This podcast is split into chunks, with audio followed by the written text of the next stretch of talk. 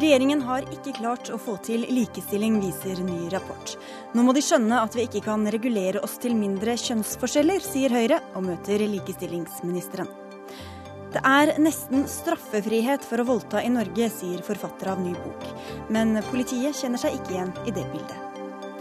Selvstendige håndverkere må betale skatt når de snekrer på eget hus i fritida. Nå må Finansdepartementet gripe inn, krever Fremskrittspartiet. Og Munch-museum på Tøyen er dødfødt, mener forfatter Ketil Bjørnstad, men møter motbør.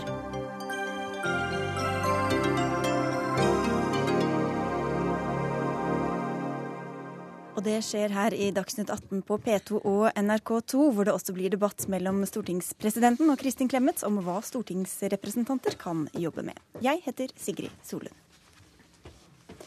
Norsk arbeidsliv er fortsatt svært kjønnsdelt, og norsk likestillingspolitikk har gjort lite med det. Det slår rapportene fra Likestillingsutvalget fast, og i dag kom det med forslag til hvordan Norge kan bli mer likestilt. Hegge Skeie, leder for utvalget. Først, hvordan står det til med likestillingen i Norge? Altså Det vi har blitt bedt om å vurdere, er hvordan det står til med likestillingspolitikken. Eh, I tillegg har vi sett på hvordan det står til med likestillingen. Og så er det kombinasjonen av de to. Ja, og med likestillingen eh, står det dårlig til når det gjelder deler av utdanningsløpet og eh, viktige likestillingsspørsmål i arbeidslivet. Hva slags spørsmål da? Det, eh, vi har vært særlig opptatt av eh, kjønnsdelinga i arbeidsmarkedet. Eh, og kjønnsdelinga i arbeidsmarkedet har konsekvenser for eh, Eh, for lønn, eh, for arbeidstid og for arbeidsmiljø. Sånn at når du har tunge trender av kjønnssegregering, så legger det seg andre likestillingsproblemer oppå de. Så kvinner og menn eh, jobber fortsatt i ulike yrker og med ja. ulike titler og tjener forskjellig? Ja da, det gjør kvinner fortsatt. kvinner jobber Altså vi har jo totalt kvinnedominerte yrker, totalt mannsdominerte yrker.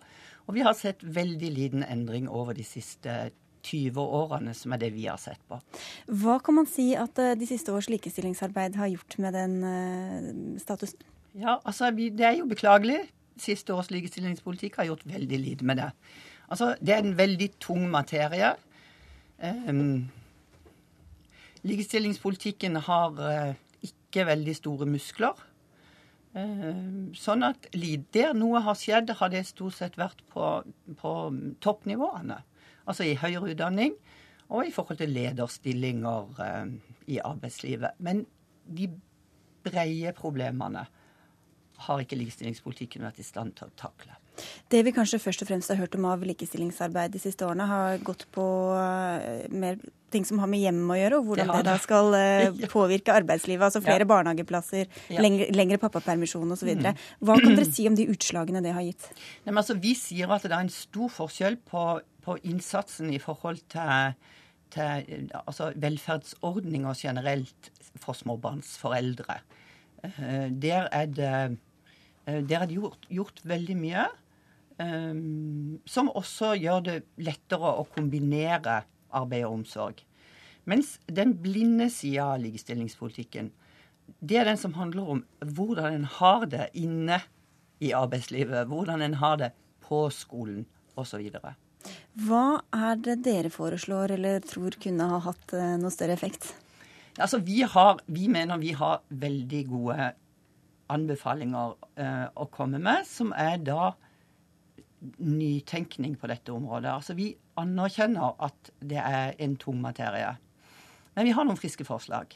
Eh, I forhold til det vi har snakka om nå, så er det eh, både en satsing på pedagogikk for likestilling i skolen, eh, en helt ny ordning med likestillingsstipend, og et stort og krevende forslag om et trepartssamarbeid for likestilling i arbeidslivet. Um, det er kanskje mer selvforklarende, dette siste enn det, det første. Altså, går det på det, dette med utdanning osv. Går det på at ikke guttene skal bli skoletapere, eller at man skal geleides inn på ulike utdanninger, eller hva er det som det betyr at en skal heller Altså, en skal, en skal geleides inn i en likestillingshverdag der um, uh, tradisjoner har mindre å si enn de valg en faktisk ønsker å gjøre. Uh, og det høres veldig fint ut generelt. Men det er sånn at da må det altså faktisk jobbes eh, med, med, likestillingsproblematikk i skolen. Det må jobbes med eh, spørsmål om eh, utdanningsvalg gjennom rådgivningstjenesten. Mange sånne steder i skoleverket der det er fullt mulig å gå inn eh, og arbeide aktivt for større valgfrihet. Eh, det skjer ikke da. Og til slutt, det trepartssamarbeidet. Hva, hva er ditt første råd til likestillingsministeren å ta tak i der? Det første rådet er å ringe til partene. NHO og LO? Nei, Det er åtte hovedorganisasjoner i arbeidslivet som må si seg interessert i et sånt uh, samarbeid. Uh, nå er dette så stort da som vi tenker det. Uh, vi tenker det fra nasjonalt til lokalt nivå at jeg tror at eh, statsråden også må snakke med kollegaene i regjeringen. Og ganske fort. Takk skal du ha, Hege Skeie, leder for Likestillingsutvalget. Inga Marte Thorkildsen, barne- og likestillingsminister. Her var det nok å ta tak i. Hvor oppløftende syns du disse konklusjonene var? Jeg syns at dette er veldig bra. Vi har jo bedt om å få dette. Eh, og det er jo fordi at vi ønsker å få en informert diskusjon om hvor vi egentlig står, og hvor veien bør gå videre. Og det vi har sett veldig ofte, det er at det har liksom bredt seg en sånn oppfatning i Norge om at vi har kommet i mål, og vel så det. Vi har egentlig kommet for langt. Og bør kanskje ta et skritt tilbake. Eh, og hver eneste 8. mars så har jo vi hørt eh, fra eh, diverse hold Men er det nå egentlig noe vits i å drive med dette her kvinnegreiene da? Og det vi har fått eh, solid dokumentert nå, det er at ja, det er noe vits. Vi har en lang vei å gå på alle områder, nær sagt. Men da har dere også fått dokumentert at det dere har holdt på med, ikke har gitt noe særlig utslag? Ja, Ikke helt. Det er jo en del områder som det har gitt seg utslag på. Og det vi har konsentrert innsatsen ganske mye om de siste åra, det handler særlig om de tingene som Hege Skei var ganske fornøyd med. Eh, Bl.a. barnehager, og om foreldrepermisjon, hvor de mener at eh, det har lykkes. Men de ønsker mer av det samme. Og jeg har også sett, jeg har fulgt eh, voldsfeltet gjennom ti år, eh, og har sett den endringa som har skjedd, ikke minst når det gjelder Eh, arbeidet med vold i hjemmet. Fra å se på det som eh, husbråk til å ta det på alvor som et samfunnsproblem. Det har vært nærmest et paradigmeskifte de siste ti åra. Men det er en lang vei å gå. Og det er særlig på arbeidslivet, virket det som hun eh, etterlyste mer handling. Julie Bråttkorb, leder i Høyres kvinneforum. Hva syns du om de konklusjonene hun kom med? Jeg syns for det første at rapporten er veldig interessant. Og jeg vil berømme regjeringen for at den ligger der. Fordi den er et godt grunnlag i forhold til å sette en situasjonsanalyse, som alltid er viktig når man skal skal finne de riktige verktøyene. Men det den også viser, er jo de verktøyene vi har hatt i likestillingspolitikken, ikke fungerer. Og det er at vi har satt oss et eh, statlig A4-menneske eh, som vi har forsøkt å sette opp reguleringer for og lover for. Og så har vi glemt at det samfunnet vårt består av, er virkelige mennesker i virkelig liv. Og at disse reguleringene, som kanskje har konsentrert seg mest om topplan, det å få kvinner inn i styrer og få oss inn på høyere utdanningsinstitusjoner, det er svært viktig. Men så er det mange viktige likestillingsfelt vi har eh, glemt. Og Blant annet så, så vi jo et grelt eksempel i går. Eh, dere hadde det på deres sendinger, VG hadde det som hovedsak. En kvinne som da har blitt voldtatt. Eh, og det gjøres ingenting fra politiets side. Det skal vi komme tilbake til seinere i ja, sendinga. Men det er, det er ett av mange eksempler som jeg tror viser for kvinner i virkelig liv der ute at de føler at det blir veldig mye prat om likestilling, men det gjennomføres ikke. Og det er mitt poeng. Likestilling må ikke settes nå til et eget direktorat eller bare styres av ett departement. Hvert eneste departement, en, hver eneste statsråd må føle et ansvar for at de på sitt felt sørger for at kvinner behandles likt med menn. Ja, det er jo ikke noe vanskelig å være uenig i akkurat det. Enig, kanskje? Eh, også, nei, å være enig, ja. Nå har det gått litt uh, fort i svingene her.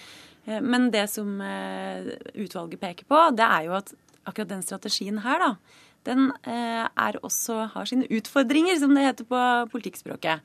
Og en av de utfordringene det er at du ikke har en skikkelig pådriverrolle noe sted som er forankra. Og det blir jo noe vi må diskutere. Eh, det ble nevnt direktorat. Det er jo et sånn soleklart eh, forslag fra dette utvalget om det er det man skal ha. Men det er jo ikke nok bare det. det må også, eh, alle må gjøre jobben sin, og det må være noen som har en skikkelig pådriverfunksjon. Og jeg er opptatt av at når det gjelder arbeidslivets parter, det å virkelig komme i inngrep der, at vi får diskutert nå ganske raskt hvordan vi kan bringe dette forslaget fra utvalget videre om et trepartssamarbeid, hvor de som slutter seg til en avtale, kan slippe unna en del forpliktelser som eh, i dag ligger overfor arbeidsgivere. Det tror jeg kan føre oss inn i hva, en hva tenker du på da? Hva slags forpliktelser skal man Blant annet rapporteringer om hvor, eh, hvor de, hvordan de jobber med likestillingsarbeid. Altså man, en del av de pliktene da kan bortfalle. fordi det kalles eh, aktivitets- og rapporteringsplikter. Okay, for- Men det brukes ikke i eh, stor nok grad i dag. Jeg tipper at når det gjelder vold i hjemmet og så videre, så er dere ganske enige, Julie Ja, men, men, det, men det som jeg, vil, eh, vil ta fast i fordi Jeg er livredd et sånt direktorat. Fordi jeg tror at det veldig fort blir at man føler at likestillingspolitikk er så mye et eget felt at det har ikke vi andre ansvar for. Og det ser vi i Norge i dag. Vi ser det på helsepolitikken. Hvorfor har det ikke vært satset like mye på kvinnehelse som på menns helse? Vi ser det på overgrepsmottakene. Hvorfor tok ikke regjeringen det inn i ny helse- og sosiallov og forslag til det? Eh, Utvalget her foreslår jo at eh, man bør lovfeste det. Eh, Og sånn kan vi, hvorfor har man ikke sørget for mer likestilling i skolen? Men handler dette bare mer om mer bevissthet på tvers ja, av mer eh, ansvar hos hver enkelt statsråd. For det er, det er en gang ikke sånn at vi kommer ikke i Norge til å få likestilling før vi på hvert eneste felt føler et ansvar for å drive dette videre. Og Derfor føler jeg at det er motsatt vei av det som statsråden her skisserer, med å skulle sette mer makt til ett departement på det. Det vi trenger er at hver enkelt statsråd dykker inn i sine saker. Et annet grelt eksempel. Du har 37 heleid statlige selskaper som Trond Giske har makten over. Bare i tre av dem er de kvinnelige ledere. Og da virker det litt patetisk for oss i næringslivet at man skal komme med forslag om nye reguleringer i forhold til hvordan vi skal drive. Så da hjelper det ikke at du sitter med ansvaret for likestillingsarbeidet, Torkelsen. Altså, Ansvaret må alle sammen ta. Men det vi ser, er jo at uh, den typen uh, fromme ønsker eh, det er ikke alltid at det gir seg utslag i faktisk endring. Men det vi har sett, er jo at vi trenger å sette makt bak en del av de kravene på likestillingsområdet. Fordi det er en seig materie. Det er sterke kjønnskonservative holdninger i vårt land. Og det treffer på alle nivåer. Sånn at da er det jo en liten utfordring, da, hvis eh, Høyre f.eks.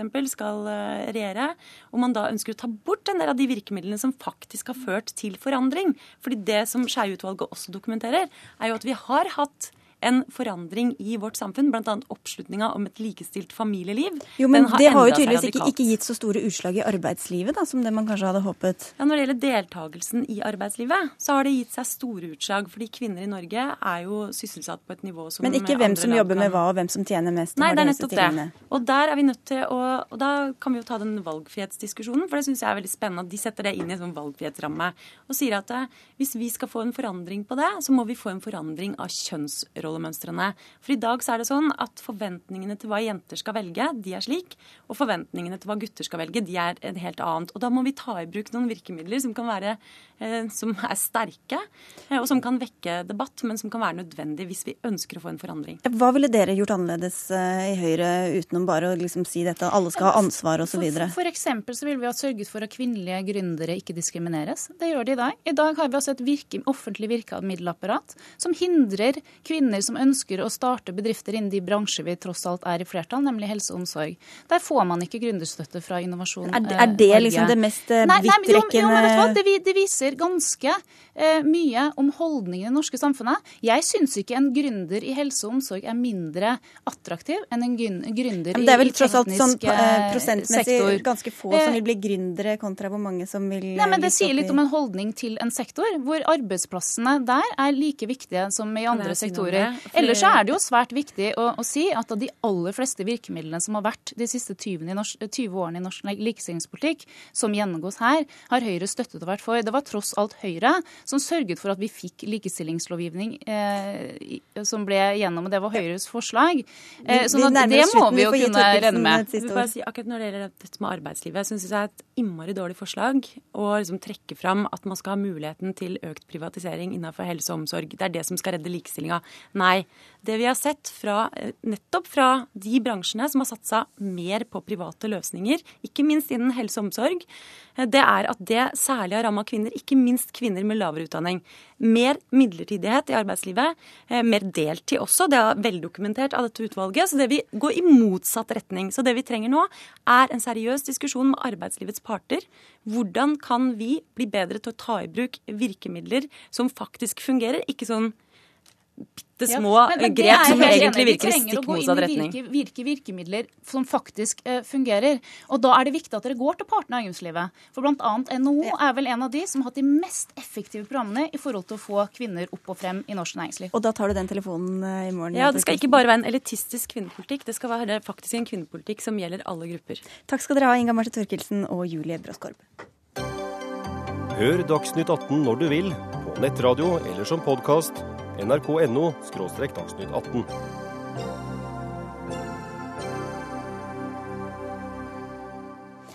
Og Apropos selvstendig næringsdrivende. Er du det og er tømrer og har lyst til å bygge hytte til deg selv, eh, må du betale moms av arbeidsinnsatsen. Mens en rørlegger kan skifte pakning på krana på badet, og en frisør kan klippe håret på barnet sitt uten å betale moms, selv om de er selvstendig næringsdrivende. Disse reglene vil du endre, Christian Tybring-Gjedde. Du er skattepolitisk talsperson i Fremskrittspartiet. Hvorfor det? Virker veldig urimelig. da. Du ga noen gode eksempler der. Altså, Jeg kan ikke se noe poeng i at eh, om du er en selvstendig næringsdrivende snekker, at du ikke skal få lov til å eh, snekre litt hjemme på fritiden, men at du må betale moms på det. Jeg tror det er en eh, allmenn forståelse blant norske folk at det virker urimelig. Så vil sikkert eh, min eh, kollega her snakke om eh, helheten i skattesystemet osv. Men jeg tror noe om at man må ha en, en, en, følelse av at skattesystemet tilhører folk, og at de har forståelse og respekt for systemet. Hørtes ut som helheten i skattesystemet var veldig kjedelig å snakke om. Nettopp, ikke sant. Og, og, og når, det, når, det, fungerer på denne måten, så, jo, så, faller jo respekten for skattesystemet generelt sett. Og det er jo slik at hver enkelt som da eventuelt gjør dette, må rapportere det inn. Eller så får man en baksmell hvis det blir oppdaget. Hvis f.eks. naboen sladrer og sier at uh, min nabo er snekker, og, og han har faktisk bygget uh, på huset sitt som snekker på fritiden, og naboen sladrer, så kan skattemyndighetene si at ok, da må du ha, får du moms på den og merverdiavgift på ja, 25% på det, eller 20% eller hva de tar. Roger Skjerva, statssekretær i Finansdepartementet. Hva er formålet med dette regelverket? Jo, Momssystemet består av tre hoveddeler. Det er eh, moms på omsetning av varer og tjenester innenlands. Og så er det eh, importmoms, som kreves inn av tollvesenet. Og så er det moms, uttaksmoms, eh, som momspliktig næringsdrivende. Hvis de tar ut varer og tjenester til eget forbruk eller nærstående families forbruk, så er det også moms på det. Og Det en, har vært en del av momssystemet helt siden begynnelsen av 1970, og det er en del av sentral del av momssystemet for alle de 150 land i verden som har, eh, har momssystemer. Eh, så det, det, er ikke noe spesielt med dette, og det er gode grunner for at man har det. Eh, og det er jo fordi at dersom man skulle lage et unntak for moms for varer og tjenester som momspliktige selv tar ut, så hadde vi lagd et stort hull i skattesystemet som hadde, gjort, hadde vært urettferdig i forhold til alle de som ikke har folk i familien som er eh, næringsdrivende. Og så ville det vært eh, et skattehull som gjort at milliardene hadde rennet ut av statskassa. Men hvor mye skal, skal, det, skal gjøres da, f.eks. For, eh, for en rørlegger eller en snekker, før det regnes som skattesnusk, og ikke oppgi det? Altså, I Norge så har vi valgt å ikke ha detaljerte regler om dette. Jeg er helt sikker på at Hvis vi hadde lagd veldig detaljerte regler, så hadde Tybring-Gjedde vært den første til å kritisere planøkonomisk finstyring her. Eh, så i stedet har vi lagd en generell regel om at hvis du bruker din spesial, hvis du som momspliktig bruker din spesialkompetanse i et visst omfang eh, på deg selv, så, så skal du registrere det i momsregnskapet ditt og betale moms av det. Og Vi har faktisk få konfliktsaker om dette, men det er jo typisk at når det dukker opp en konfliktsak som høres litt rar ut, så spretter Fremskrittspartiet opp og sier at de er imot dette. Men jeg har faktisk i dag undersøkt alle alternative statsbudsjettene til Fremskrittspartiet helt siden 90-tallet. Mm. Og de har aldri foreslått noen endring i disse reglene. Så dette er en sånn typisk hopp og sprett-politikk som Fremskrittspartiet mm. driver med. De har hatt like mye bruk for alle disse milliardene som alle oss andre i sine budsjetter når de skal satse på sykehus og veier. Har dere bare glemt det, da, Tybring-Gjedde? Ja, sånn er det jo i politikken. at Når det dukker opp en problemstilling, så er man der for å løse den. Visste, sånn visste har... dere ikke om den fra før av? Nei. Det vil jeg anta at vi ikke gjorde. Jeg visste ikke om dette her. og Det er jo sånn vi har kontakt med velgerne våre. Det kom en, en snekker til oss og fortalte at han hadde fått 106 000 i baksmell fordi han hadde bygget på huset sitt. Eh, og vi var jo overrasket over at et sånt system fantes. Jeg kan ikke hele skattesystemet utenat, men jeg lærer. Og når jeg lærer at det er en urimelighet, så vil jeg fjerne den urimeligheten, slik at det fungerer på en bedre måte. Men syns du det er urimelig at man ikke skal betale moms når man kjøper såpass store Her var det snakk om 106 000, altså såpass store tjenester av seg selv, eller gir det det bort da, til andre uten å betale noe for det? Nei, altså, dette er jo ikke sånn det fungerer. Hvis du er selvstendig næringsdrivende snekker, og du jobber på fritiden din i ditt eget hus, så får du altså moms på det du gjør i ditt eget hus. Hadde du ikke vært snekker og bygget på ditt eget hus, så hadde du ikke fått moms. Eh, er du snekker og jobber i en større bedrift og ikke har et AS, så du, kan du jobbe på ditt eget hus som Da har du, da har du den samme spesialkompetansen, men du kan, du kan, da jobbe på ditt eget hus, for du er ikke selvstendig næringsdrivende, og du er ikke momspliktig. Så her er det, er det jo helt åpenbare urimeligheter. Hvis jeg som snekker drar hjem til mitt hus, så kan jeg jobbe og bygge på, eh, bygge på naboens, naboens hus, eller jeg kan være rørlegger hos naboen. Og så kan rørleggeren som er nabo komme og snekre hos meg. For det er lov. Det er ikke momsbelagt. Men er det ikke best at snekkeren gjør det som han er best til, og at rørleggeren gjør det han er best til? Jeg syns det høres mer fornuftig ut. Jeg tar en siste igjen. Jeg utfordrer Roger Skjerve nå. Si noe positivt til velgerne dine. Si noe positivt til folk der ute og si at ja, dette er urimelig, vi vil fjerne det. Hvorfor ikke? Det er ikke snakk om milliarder. Jeg skal si noe positivt, og det er at eh, momssystemet er en veldig enkel måte for staten å skaffe store inntekter til å drive velferdsstaten på. Det er nøkkelen til at eh, Norge kan være et land som både har en vekstkraftig økonomi og har en velferdsstat. Okay, men, men jeg syns ikke det er så rart at uh, Tybing-Gjedde ikke har uh, hørt om dette problemet før. For det er faktisk ikke noen stor uh, konfliktsak mellom skatteetaten og næringsdrivende. Dette. Næringsdrivende men er det mange som melder inn, da? De setter seg inn i reglene, og det, og det, går stort sett greit. Det hender det er konfliktsaker, men det er ankemuligheter. Og, det er, og er man usikker, så kan man ta kontakt med, med skattekontoret for å avklare hva som, er, hva som er regelen. Men dette skal hindre skattesnusk? Men jeg setter jo pris på at Dagsnytt 18 har opp, tatt opp saken. For det er en fin anledning til å snakke om moms og momssystemet og opplyse, opplyse om det. Ja, det er, jo, det er, jo, morsomt. Dette er jo så komisk. at Hvis velgerne hadde visst om dette her, så hadde de Det er 300 000 dette gjelder, og jeg tror, tviler på at disse 300 000 rapporterer inn noe som helst. Det er jo veldig ganske få som rapporterer inn, antar jeg, før naboen sladrer og sier at Men er det så ukjent at man ikke kan be rørleggernaboen om å komme og gjøre store tjenester på huset sitt uten at man skal betale for det? Da? Du kan gjøre det du ikke kan. Det kan du gjøre, det er ikke moms på. Hvis du gjør det du ikke kan, akkurat sånn som du og jeg kan begynne å, å, å, å snekre og sånn, det får ikke vi moms på, for det kan vi ikke. Men hvis du kan det, altså har såkalt spesialkompetanse, så får du moms. Eh, og dette gjelder jo en rekke yrker. Det gjelder ikke frisører, f.eks. Hvis du klipper barna dine og er frisør. Nei, men det, det gjelder hvis du, hvis du, klipper naboen, så gjelder det vel? Nei, hvis du klipper, ja, hvis du klipper naboen, hvis naboen klipper deg, som ikke er frisør. Det er poenget. Dette var litt altså, forvirrende. Nei, nettopp, jo, men Skjerva, du, du får rydde opp i det. Nei, altså Det enkleste ville selvfølgelig være at alle type, all type tjenester ville, skulle vært moms på, eh, som du tar ut. Eh, som, denne, Når du klipper barna dine også? Eh, eller at man ikke hadde hatt det i det hele tatt. Men, men det, vi har valgt å ha en, strekke, ha en skjønnsmessig rom for skjønn her. Og da må vi tåle at det noen ganger blir konfliktsaker. at noen ganger Men Betyr det også at det er veldig forskjellig hvordan dette praktiseres rundt om i landet, og noen snekkere får lov til det, og andre får ikke det? Dette nå. Vi har ikke grunn til å tro at dette praktiseres uh, veldig forskjellig. Og, og, det er altså ikke mange konfliktsaker rundt, uh, rundt, dette. Det virker som folk klarer å forholde seg, seg til uh, disse reglene. Og Hvis alternativet er moms på alt til Bring-Gjedde, så var vel ikke det noen god løsning for deg? Nei, absolutt ikke. Og i 2007 var det siste gang Stortinget så på dette her, og da var det faktisk NHO som foreslo at man skulle fjerne all type av den type moms. og Det burde man se nærmere på. Og det er dessverre ikke snakk om milliarder, eh, Roger Skjerva. Jeg tror kanskje du hadde ønsket deg det, men det er det ikke. Det er snakk om ganske få. Og du sier det er få konfliktsaker, for de få rapporterer inn, for de syns dette er helt utrolig og urimelig. Men det ville være urimelig om en momspliktig som får skattefradrag, slipper å betale moms for alle innsatsvarer han kjøper inn, eh, også, også, skulle slippe å betale moms når han bruker det, dette verktøyet. Det, når du er momspliktig, så er, har du både rettigheter og plikter, og det vet de fleste momspliktige. Okay, så du bruker hammeren din, så får du også moms eh, begge veier.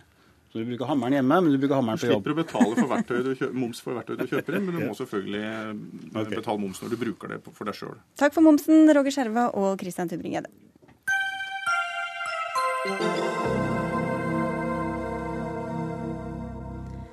Hver måned voldtas minst ti norske kvinner av partnerne sine eller av tidligere partnere. Hele 84% av alle saker der voldtektsofre kjenner gjerningsmannen, henlegges av politiet. Anne Bitz og Anja Emilie Kruse, dere er forfattere av boka 'Bak lukkede dører', en bok om voldtekt som kom ut eh, denne uka. Velkommen til Dagsnytt 18. Takk. Bitz, du er doktorgradsstipendiat i samfunnsgeografi. Du sier at det nærmest er straffefrihet for voldtekt her i landet. Hva legger du i det? Du var jo inne på tallene så vidt. Altså de, eh, de statistikkene vi forholder oss til når vi sier det, uh, viser at uh, det er bare drøyt 10% av alle voldtekter som, som blir anmeldt. Vi vet videre at det er drøyt 84% som blir henlagt, og et mindretall dermed nei rettssak. Uh, og ja, Da ender vi opp med et tall på drøyt 12 da, som, som, ender med fellende dom i, i, de siste rettsinstansene. Hva kan politiet gjøre annerledes for at etterforskningen og domfellelsen skal, ja, skal bli andre tall?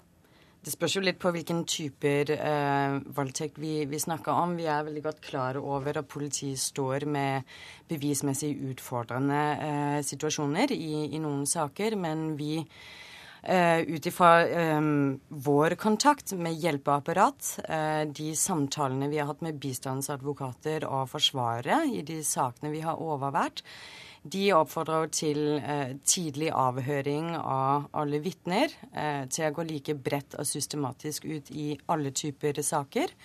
Eh, ikke bare de sakene hvor det er en, eh, en stor sannsynlighet for eh, at man kan ta ut tiltale. Så lik investering i alle typer saker. Hans Halvorsen, du er visepolitimester og leder for kriminalavdelingen i Oslo-politiet. Nærmest straffefrihet for å voldta. Hva syns du om den beskrivelsen? Jeg kan vel ikke helt stille meg bak en slik, eh, slik, beskrivelse, men det er jo riktig som det blir sagt. Vi ser jo i siste instans, f.eks. i lagmannsretten, at eh, det er ikke så mange som, som, blir dømt. og Det viser kanskje litt av de beviskravene som settes i, i disse sakene. Og det er vanskelige saker. Det er ikke noe særlig tvil om det. Og her syns jeg man peker på mange av de utfordringene som, som, som rettsvesenet har, har, med disse sakene. Det er prisverdig at man skriver en bok og peker på det. Men det er jo også noe av dette handler om hvor lang tid man bruker. I nyhetssendingen i NRK Radio i går så kunne vi høre et intervju med en kvinne som måtte vente i to år, og så fikk hun saken sin henlagt. Hva gjør dette med voldtektssaker og voldtektsofrene BITS? Nei, altså vi har jo en av informantene våre som, som bruker uttrykket offervakuum. Eh, og det speiler jo til at man aldri får gått videre med sin sak. Eh, man er nødt til å ha god hukommelse når man skal møte i retten. Hvis det mm. går for lang tid mellom politiavhør eh, og at rettssystemet får de sakene til behandling, så kan det svekke hukommelsen. Uh, og det er ikke til, i tiltaltes favør heller, fordi vi har et rettsprinsipp i Norge som går på at sakene de skal uh, opplyses bredt. Man vil ha en sånn ferdig fortelling om hva som har skjedd. Hvis ikke vitnene de husker ordentlig hva som har skjedd, da har vi et problem for rettssikkerheten, tror jeg. da. Hvorfor tar det så lang tid, Halvorsen? Ja, først og fremst er jeg helt enig med beskrivelsen. Det er jo helt riktig sånn som det blir sagt. Altså, jo tidligere man klarer å avgi sin forklaring, og jo tidligere man så kommer retten å avgi sin forklaring, så vil saken bli bedre opplyst. Og det er til gunst både for eventuelt tiltalt og, og fornærmede selv. Men er ikke det opp til politiet, da? Ja, det er nok ikke så enkelt. Man ser jo at man er ved avhengig av en del samarbeidspartnere. Det kan ta noen ganger flere måneder å få, få rapporter fra eksterne for å kunne belyse saken. Eh, og ja, selvfølgelig er det slik at politiet i noen av de sakene åpenbart kunne behandlet sakene raskere. Det tror jeg vi må innse og være villige til å ta litt selvkritikk på. Ja, for hun, samme kvinnen jeg nevnte i stad, sier at hun ville ikke anbefalt noen andre å, å anmelde forholdet dersom de kom i samme situasjon som henne. Hvordan er det å høre det? Det er ikke noe hyggelig å høre. Eh, for jeg oppfordrer alle sammen til å komme med de anmeldelsene som, eh, som, eh, som vi ser hos oss i politiet. Det er viktig at sakene blir anmeldt. Og så får politiet ta dette inn over seg og prøve virkelig å få en raskere saksbehandlingstid. For vi ser jo at det må være forferdelig for fornærmede og for så vidt eventuelt mistenkte i slike saker hvis dette drar ut år etter år. Det er en vanskelig situasjon. Men Hvor mye handler det om prioriteringer også internt hos dere? Jeg kan kun snakke for, for Oslo, Oslo politidistrikt, og vi har en egen dedikert enhet med, med mange etterforskere som sitter og jobber med dette. Vi tar alle disse sakene på alvor, det, det, må jeg få si. Selv om det selvfølgelig finnes saker som vi skulle gjort, gjort bedre. Men hos oss er voldtekter prioritert.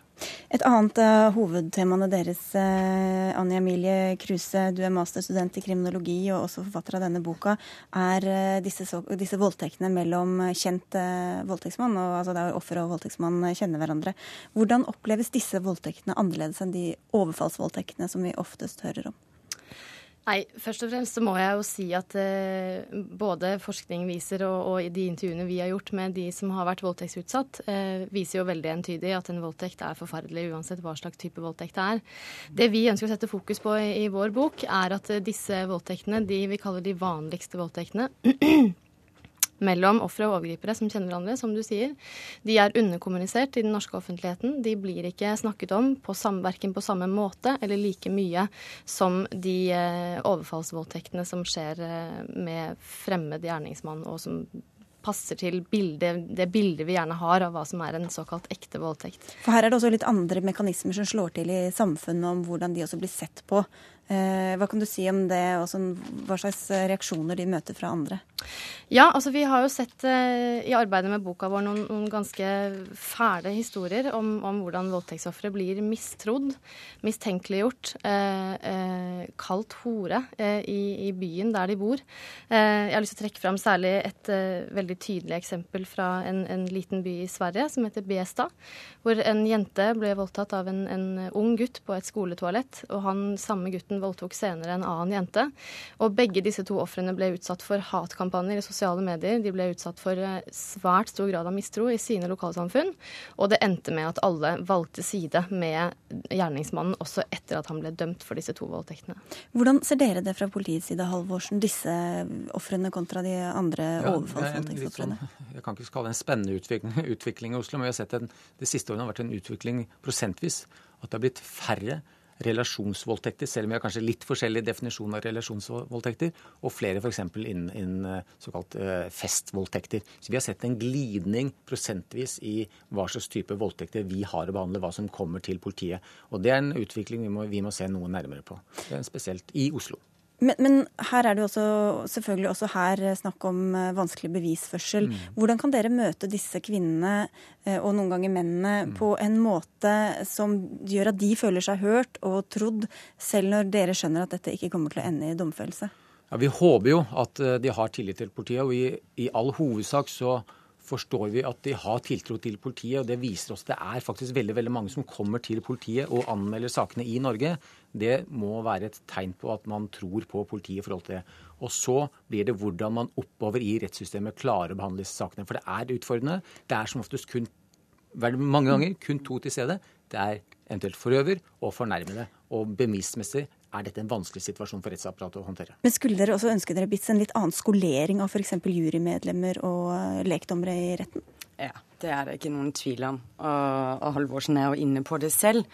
Eh, at en grunn til at man henlegger det, det er politiet på, pålagt. Altså de er forpliktet til det. At man kan ikke reise tiltale i en sak som man ikke tror vil klare seg i de andre rettsinstansene. Og da har vi en loop som går. Eh, mm. fordi vi vet jo at det er sånn at jurymedlemmene ofte eh, eh gjør seg opp en mening om skyldspørsmålet før bevisførselen er avsluttet. Det finnes god og solid forskning. Vi kommer med mange eksempler på det i boka. Eh, på at de opererer med ganske kjønnsstereotype forestillinger. Mm. Og det er Skal vi snart få lov? ja, det er veldig kort tid igjen her. Ja, ja, men det er for så sent som tre uker siden snakket jeg med en politijurist som sier at han var fryktelig frustrert. Han fikk ikke gjort en samvittighetsfull jobb. Han er nødt til å henlegge saker han egentlig tror er sanne, fordi at han regner med at juryen de vil dømme ofrene, ikke de som står tiltalt. Det, det som i hvert fall er viktig å få frem, er at det det er ikke så at politiet ikke tror den enkelte, men vi må ta en bevismessig bedømmelse i forhold til det. Heller ikke at man retten ikke tror de, men det må være bevist over enhver rimelig tvil. Og det er noe av dilemmaet som jeg tror vi alle tre er, er helt enig i. Mm. Det er mye vi kunne sagt. Vi fikk sagt noe av det. Takk skal dere ha for at dere kom til eh, Dagsnytt 18. Hans Halvorsen fra Oslo-politiet, Anne Bitz og Anja Emilie Kruse, som altså har gitt ut bok om eh, voldtekt.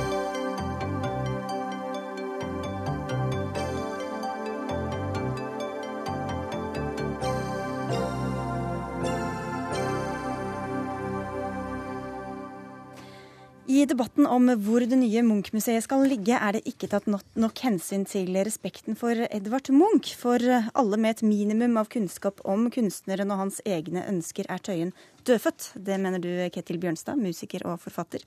Hvorfor det? Eh, jeg tror at sånn som debatten har utviklet seg, så ser man en skrikende mangel på kunnskap rett og slett om om det Munch selv mente. Og vi vet jo at han skrev så mye før han døde om nettopp en museumsløsning. Han diskuterte det veldig, veldig inngående med både Jens Tie, som var sjefen for Nasjonalgalleriet den gangen, og som har ansvaret for Munch-rommet, dette berømte rommet med de aller beste Munch-bildene, som alle vil mene. Og uh, han ville jo helt åpenbart ha noe sentrumsnært. Han ville inn i de store bygningene. Han påtok seg et helvete av en debatt for å komme inn i aulaen. Han ga opp til slutt.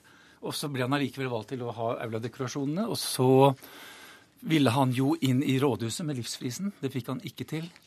Han, han, ville at det skulle bli sett av mange. Han var veldig ambisiøs. Han var ikke han var usikker og, og, følte at han var blitt på mange måter motarbeidet gjennom, gjennom hele sin karriere. Men da de først anerkjente ham, så følte han at nå er det min tid. Så Derfor må det ha vært ganske grusomt for ham å se at Frognerparken kom, og monolitten reiste seg langsomt dag for dag. Arild Rønsen, redaktør i musikkavisa Puls. Du skriver i et motinnlegg til dette Bjørnstad hadde i Aftenposten at han driver med uredelig debatteknikk. Da må du forklare. Jo, men det syns jeg var, altså det var veldig overraskende for meg. For han avfeide Tøyene og sa at dette er jo bare idioter som, ikke, altså, som, som driver med dette. Altså, altså det syns jeg var veldig rart, for det er jo ikke sånn. Jeg, si, altså, jeg skjønner jo dette med sentrumsnært og sånn, men dette har jo, på en annen side så har jeg ikke skjønt det. Tøyen er to T-banestasjoner fra midt i Oslo sentrum. Det er sentrumsnært å være Det er veldig sentrumsnært. Og, det mener, og, og, og dessuten så syns jeg kanskje ikke det er det viktigste. Eller, jeg har vært på Miró-museet i Barcelona. Og jeg, som turist der så går jeg jo aldri og spør om hvilken bydel Miró bodde i. Om man skulle ha bodd i Barcelona. Det er jo ikke sånn. Og hvis du sier dette til turister som kommer til Paris altså Hvis du går fra Sacré-Cœur til Louvre til Notre-Dame til Eiffeltårnet og Triumfbuen, så sier jeg at det er altfor langt å bevege seg. Niks. Det er ikke sånn. Altså. Dette er, akkurat det at Tøyen ikke er sentrumsnært, det er et tullete argument. Da har vi andre argumenter, Arild. Og det er, det, det, det, er jo også hvor hadde Munch selv tilhørighet? Hvilke bydeler var han selv glad i? Han malte 'Skrik' like ved der hvor Lambda skulle ha stått. Kanskje kan stå.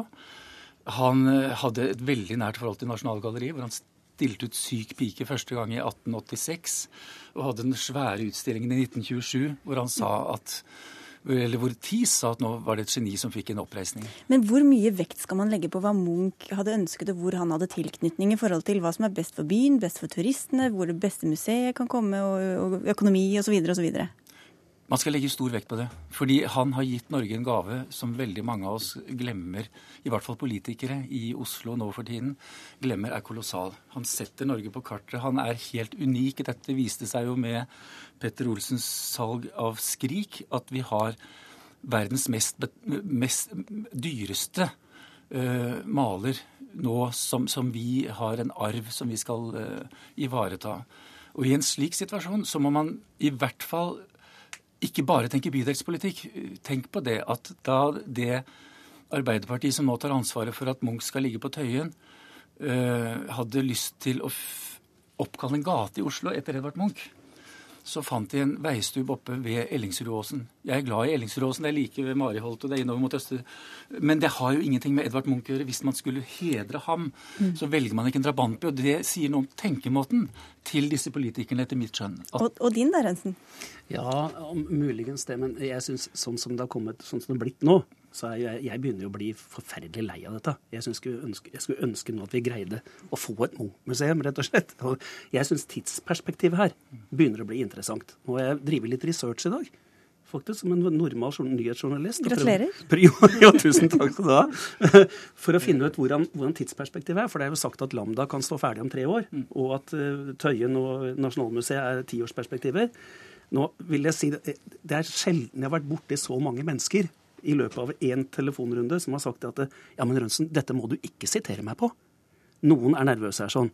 Men det, det som jeg tror er riktig, selvfølgelig fordi det har vært forprosjektering på Lambda, det har foregått en periode, og tidsperspektivet på Lambda er omtrent halvparten av Tøyen-alternativet. Lambda kan stå ferdig til utstilling av, av Munch-bildene om fem års tid, og Tøyen er okay, ti år. Så da er det ikke så farlig med Tøyen allikevel? Jo, men Det syns jeg er viktig, men jeg syns det nå er sånn, det viktigste for oss. Det er kanskje ikke viktig om det er fem eller ti år, men det viktige er at nå må bystyret i Oslo, for dem er satt til å forvalte dette, nå må de komme seg inn i et eller annet telt, sånn som indianere gjorde før. Og så må de bestemme seg. Og så står vi utafor og sier at dere kommer ikke ut før det begynner å røyke utafor der. Så er vi sikre på at dere har bestemt dere. Okay. Og om det blir Bjørvika eller Nasjonalmuseet eller Tøyen, det er underordna. Jeg tipper at alle, og du også, Bjørnstad, vil ha en løsning på det her. Men ikke de kommer, hvis de kommer fram til Tøyen, da, hvis det er løsningen? Altså, jeg syns det er viktig nå, og dette mener jeg rent konstruktivt, å skrinlegge Tøyen. For hvis Arbeiderpartiet hadde gjort det, og hvis SV hadde gjort det, så hadde vi stått med to alternativer som i seg selv har en del ikke, altså Lambda har jo eh, allerede vært forprosjektert og står egentlig klar til å bare Man kan sette spaden i jorden. Så har man litt grann, eh, diskusjon rundt Tullinløkka, men, men man har da ett valg mindre. Og det ville i hvert fall gjort beslutningssituasjonen mye mye raskere. Men Bjørnstad, dette er ikke konstruktivt. Fordi at på den andre sida i bystyret så har du de, Du sier Arbeiderpartiet er stabeiser, men det samme kan du jo si om Høyre og Venstre. Jo, men så arbeid... De er jo akkurat like mye stabeiser. Sett har... dem inn i et hus og la ja, dem sende ut røyksignaler, så blir vi ferdige. Skogen her, for Det er de som på en måte har ansvaret for, for arven etter Og den startet med Werner Gerhardsen, som likte Tøyen så godt. Og all ære til Tøyen, men, men altså etter at Oslo-gruppen da, med Rune Gerhardsen i spissen, eh, skulle hedre sin mor på den måten at man skulle ha Munch-museum på Tøyen for enhver pris, så er dette gått over til å bli lokalpolitikk på et ganske grotesk plan, må jeg si.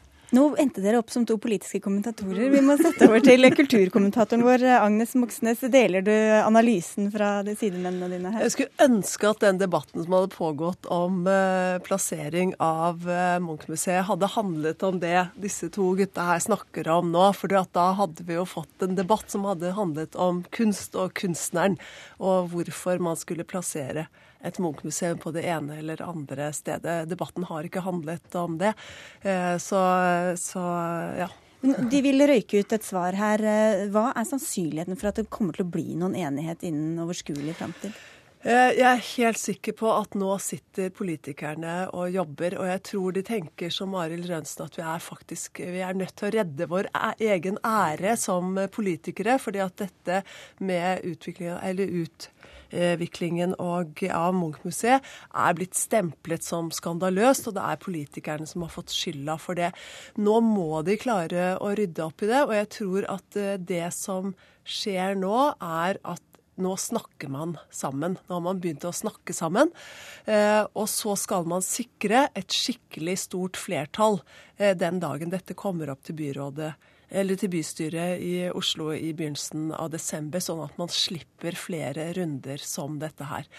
Og eh, om det ender på Lambda og Bjørvika eller Tøyen, for det er bare de to alternativene som er realistiske fremover nå, tror jeg. Det jeg vil si da, det er at enten det blir Lambda, Bjørvika eller det blir på Tøyen, så skal det nye Munch-museet det skal innvies ved at Ketil Bjørnstad spiller piano og Kari Bremnes synger de fantastiske Munch-sangene som vi har lagd sammen. Det må vi i hvert fall kunne være enige om. Ja, lover du det, Bjørnstad? Ja, det lover jeg. Tusen takk skal du ha. Det var vennlige ord. Ja. Vi gleder oss allerede og får heie på politikerne at de kommer fram til et svar. Takk skal dere ha, Ketil Bjørnstad, Arild Lønnsen og Agnes Moxnes.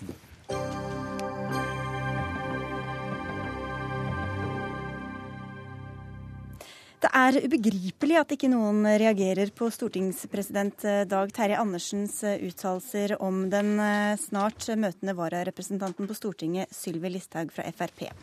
Det skriver Kristin Clemet på bloggen sin. Mandag til uka skal Listhaug møte Stortinget, selv om hun har fått jobb i rådgivningsselskapet First House, som altså ikke vil si hvem de har som kunder, hvor noe av striden ligger begravd. Kristin Clemet, leder i Tankesmien Civita. Hva er det stortingspresidenten har sagt som fikk deg til å reagere? Ja, altså I Norge har vi et system hvor alle, unntatt uh, dommere og embetsmenn, kan velges til Stortinget. Uh, og et system hvor ingen stortingsrepresentanter er inhabile. Og da syns jeg det er veldig uheldig at stortingspresidenten bidrar til å svekke tilliten til, eller kanskje så tvil om integriteten til, en representant som er lovlig valgt. Og det er Sylvi Listhaug. Um, Hva er det han har sagt? Ja, altså Han har sagt at han syns det er, er, en demokratisk utform, utfordring, og at han liker dårlig at uh, hun skal møtes som vararepresentant. Uh, hun som er ansatt i First House, fordi de har, altså kommunikasjonsbransjen, fordi de har kundelister som er hemmelige. Jeg eh, utelukker ikke at stortingspresidenten har et prinsipielt anliggende eh, som det er verdt å drøfte, men da syns jeg han må ta det opp på prinsipiell måte, forklare hva det prinsipielle anliggende er, og så får vi drøfte det. Men å gå løs på enkeltrepresentanter som er lovlig valgt, det syns jeg er veldig, veldig uheldig. Hvorfor gjør du det, Dag Terje Andersen?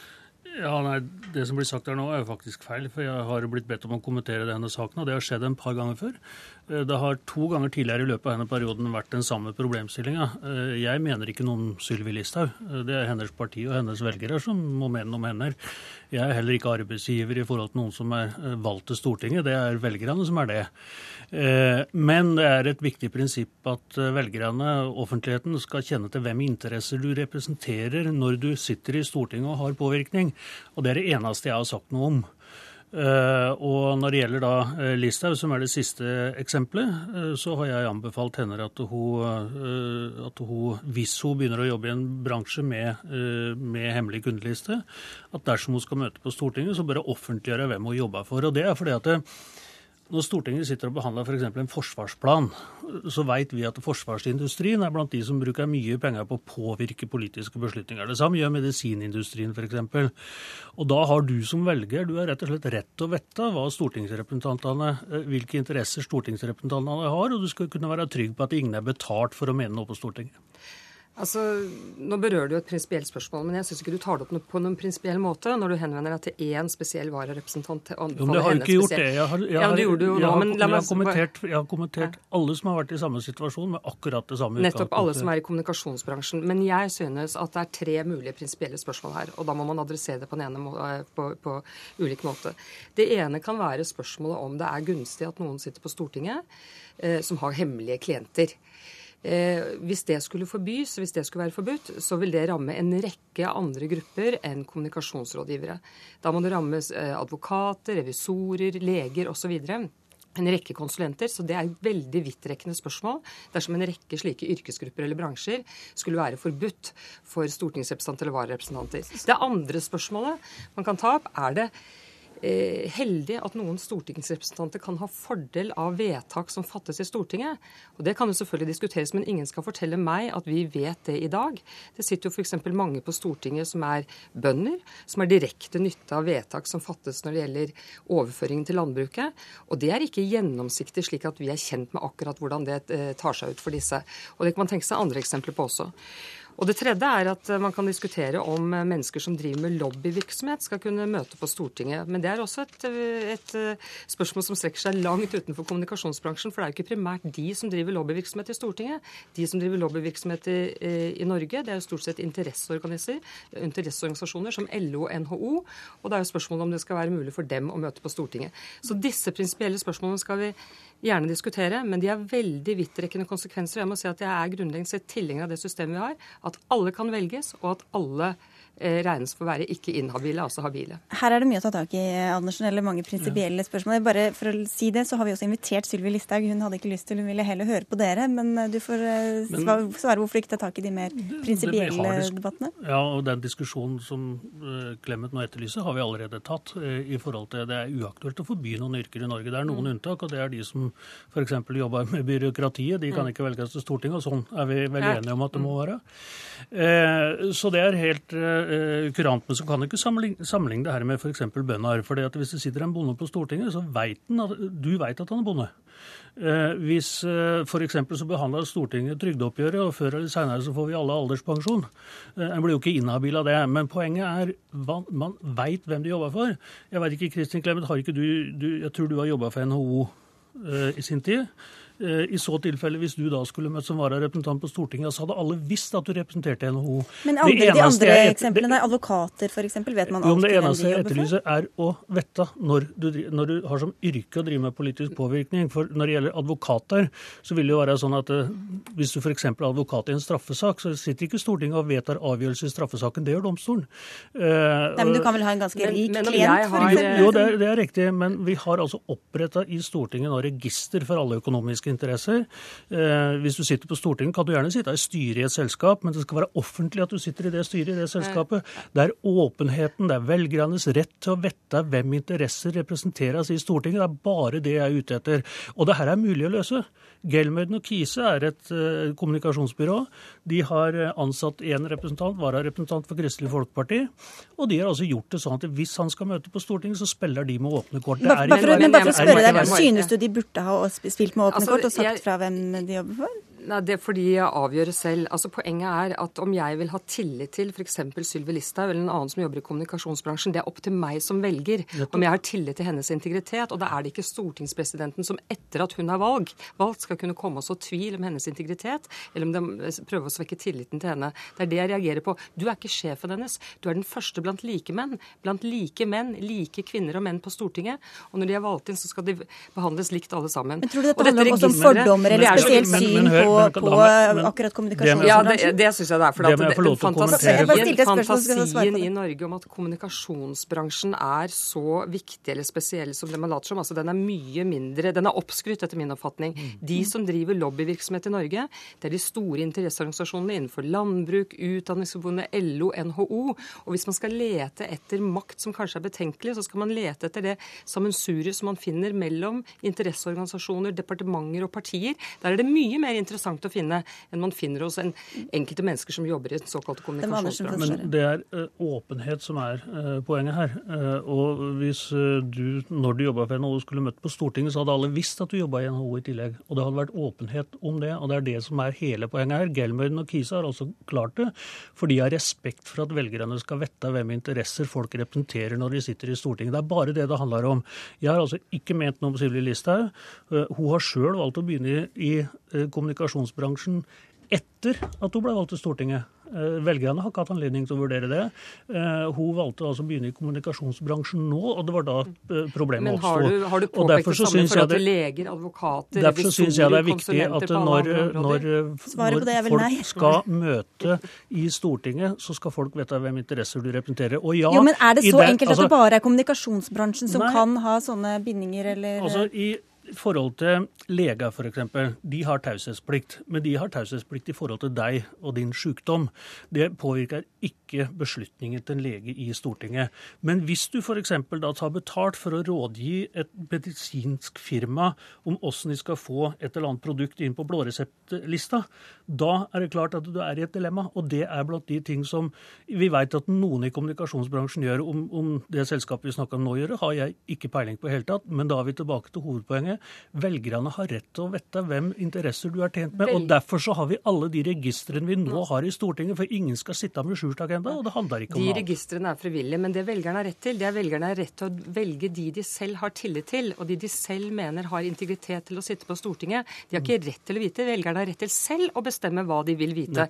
Og Derfor så avgjør slike tillitsforhold mellom partiene og kandidatene, og dernest mellom velgere og kandidatene. Når kandidatene er valgt på lovlig måte, så bør ikke stortingspresidenten blande blande seg inn i disse representantenes yrkesforhold. Jo, men Nå, nå, nå vrir du jo totalt på saken. Det var det jeg sa innledningsvis. at det her handler om tillit mellom velgere og de partiene som ja, de, nominerer folk. Den tilliten har de den, vist, de som er valgt. Og i forhold til å ha tilliten til politikk, så tror jeg det er viktig at politikere altså ikke er i en situasjon der de har betalt for å innta standpunkter i Stortinget. Det er bare det en skal være trygg på. Og, og enkelte i kommunikasjonsbransjen har altså helt klart å gjøre det. Jeg må si at dette er en veldig sterk integritetskrenkelse av de det gjelder, at du sier at de tar betalt for Nei. å innta spesielle tannstandpunkter i stortingssalen. Jeg sier at vi skal vite at ingen det går det kunder. Ikke an å si. Jeg sier at velgerne har rett til å vite hvilke interesser representantene representerer. Okay. Hvis du ikke har så stor respekt for, eh, for velgerne, så har du ikke respekt for demokratiet. Vi er nødt til å avslutte der. Tusen takk for at dere kom, Dagter Andersen og Kristin Clemet. Og mandag kommer altså Sylvi Listhaug på Stortinget, til tross for at hun har bedt om å få slippe noe hun ikke har fått lov til.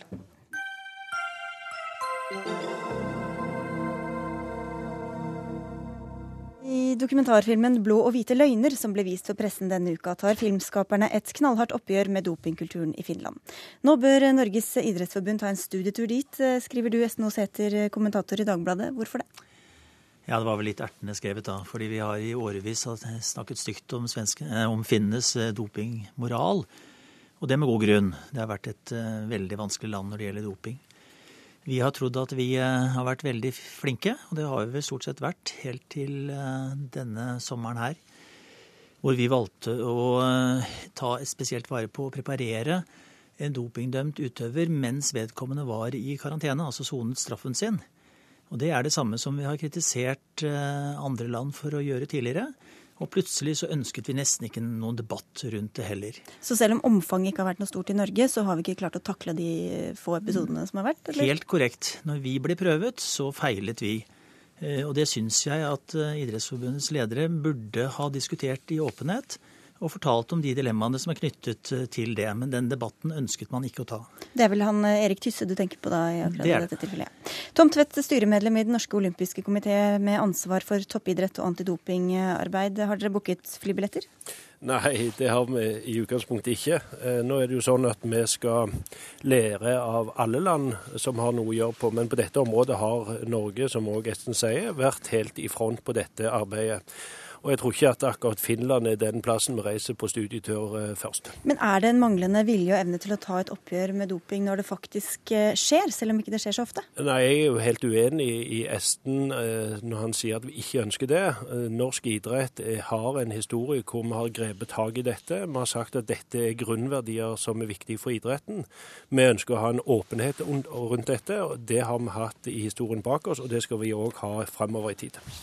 Ja, det er, det er fint at vi, at vi sier det, men vi må liksom gjøre det også, da. Det er, det er en liten forskjell i livene våre. Eh, Og nå ble vi prøvet. Dette var første utøver som betydde noe. Det var eh, på nærmere 20 år. Vi hadde en spydkaster som var viktig i sin tid. Men nå ble vi prøvet på nytt igjen. Og da mener jeg at vi, vi feilet fullstendig. For han ble tatt, og så ble han uh, tatt inn i varmen igjen av uh, Ja, Han ble tatt inn i varmen mens han holdt på å sone en straff. Og det var ikke meningen at Idrettsforbundet skulle vite engang at uh, Olympiatoppen hjalp han med sin fremste ekspertise på fritida. Dette kommer helt overraskende, og jeg syns det er rart at Tvedt ikke, ikke vil si noe om at også idrettspresidenten ble overrasket over, eh, over det som hadde skjedd. Altså, Børre Rognlien har jo selv sagt at han visste ikke noe om dette stevnet som ble spesiallaget for utøveren, slik at han skulle bli klar til OL. Vi har gått innersvinger, og vi bør si at det var dumt gjort av oss. Ja, nei, I utgangspunktet så er jo denne Tysse-saken Vi er jo underlagt eh, internasjonal WADA sine reglementer, som vi har vært med og støtta og bygd opp. Eh, denne situasjonen var jo at Tusse var ferdig å sone. Eh, vi kunne ikke nekte han deltakelse basert på at Men var det nødvendig å hjelpe? Nå, nå, må vi, nå ta én ting om gangen. Så- det, det, det, så- gjelder, det, så- det gjelder er forberedelsene til OL. Altså, det var, jeg syns det var ille nok at han kom til OL. Men la oss ta tak i forberedelsene, for det er der vi har gått og kritisert f.eks. finnene. At de har drevet med folk som er i karantene, og det har vært utestengte trenere. Og våre langrennsløpere har syntes at det har vært forferdelig at de skal få lov til å drive på den måten. Og så var det våre OL-forberedelser, eh, hvor det skjedde akkurat det samme. Eh, Og da hadde dere i idrettsstyret en mulighet til å si at ja, men Olympiatoppen, dere har tatt feil. Dere har gjort en tabbe, dere bør rette det opp. Men, men igjen, vi styrer etter det internasjonale regelverket som er. Det er det vi har fulgt. Vi kan ikke drive noe heksejakt på dette. Det- Så, så bare la jeg snakke ferdig. Så er det vår nå videre. Vi har diskutert dette. Vi har forholdt oss til det reglementet. Vi kan igjen ikke gjøre det. Så har, er det nedsatt to utvalg. Det ene er toppidrettssjefen som nå skal evaluere OL eh, i London. Så skal jeg lede et utvalg som nå skal legge strategien framover. Og da skal vi gå inn og se på dette. Eh, Vi har ikke tenkt å legge lokk. Vi har aldri lagt lokk på den type debatter. Jeg har ikke tro på å legge lokk på det. Og da skal vi òg gå inn og, og komme tilbake igjen til dette. Men sånn i utgangspunktet så kan ikke idretts, eh, i Norges idrett sette seg over WADA, som er det internasjonale regelverket. Men, men er dette typisk for noen ting denne Ja, det, situasjonen det, setter? det typiske er jo at vi ikke ønsker å diskutere det som egentlig har skjedd. Fordi dette har ingenting med WADAs reglement å gjøre. Dette har med våre verdier å gjøre, og hvordan vi selv eh, diskuterer idretten vår. Eh, vi har ingen begrensninger internasjonalt på å snakke om det. Men vi ønsket ikke å snakke om det. Vi ønsket ingen debatt i forkant av OL. Vi ønsket at våre utøvere skulle få til å forberede seg til London i ro og fred. Det var en av begrunnelsene vi fikk da vi begynte å spørre om dette. her. Tvedt, vi nærmer oss slutten, men du får bare svare helt på, på tampen. Altså, er vi flinke til å heve pekefingeren når det gjelder andre, og så ikke så greie når det kommer til oss selv? Nei, det er jo alltid sånn at den som hever pekefingeren høyest, må òg påse å ha åpenhet og orden i eget hus. Jeg er helt klar på at det har vi hatt, og det skal vi òg ha i fremtiden. Så skal jeg gi Esten et pluss for å ta den debatten. Vi kommer tilbake når vi har gjort vår jobb. Norsk idrett skal være ren, og vi skal levere god kvalitet inn i fremtiden.